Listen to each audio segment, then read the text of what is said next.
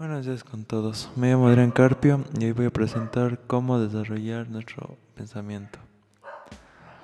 Muchas personas han desarrollado mucho su manera de pensar, ya sea de manera de ver las cosas y cómo las manejan, pues nos ayuda a tomar mejores riendas de nuestro día a día, ya que esto implica la adquisición de habilidades como la de criticar el conocimiento obtenido y poder verificarlo a sí mismo como cuestionarlo, validar o rechazar ideas y profundizar con lógica para obtener mejores resultados.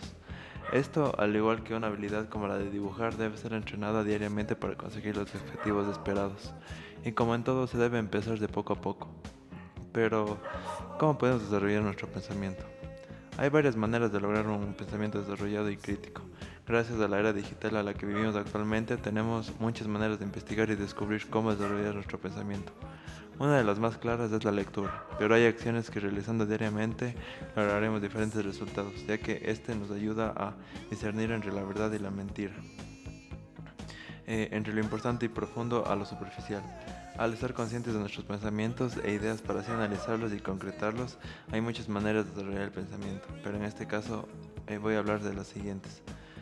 La primera es reservar tiempo y espacio que significa organizar tu tiempo para que en un momento del día tengas un momento de reflexión, como por ejemplo yo todas las mañanas siempre antes de comenzar clases me levanto cinco minutos antes para de vez en cuando eh, meditar un poco. Eh, promover el conocimiento. Esto significa darse el trabajo por uno mismo a causa de una curiosidad.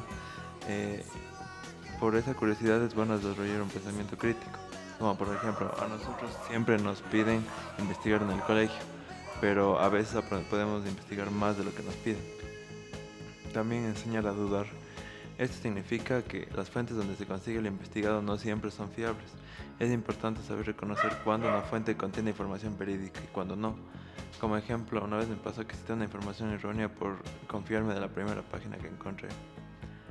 Además de estas actividades para lograr eh, nuestro pensamiento, hay también la de los ordenamientos, la cual esta nos ayuda a organizar diferentes situaciones u objetos como resultado de los cambios que experimento.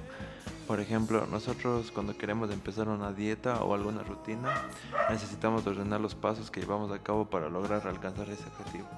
Entre los ordenamientos están la natural, que está implícito en las características de las variables cuantitativas como puede ser nuestro peso, estatura, etc. Eh, y la convencional, que en esta se aplican condiciones establecidas por nosotros mismos para ordenar objetos u hechos, como por ejemplo el calendario, los números, las palabras, etc.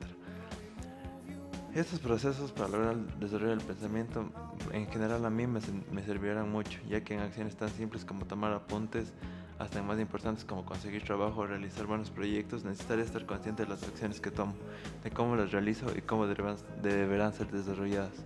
Preguntarme a cada rato qué otras opciones puedo tomar o por qué escogí esta elección y no esta otra. Además de brindarme mucha más capacidad de lograr retener información y aplicarla correctamente en mi día a día según la carrera que estudio.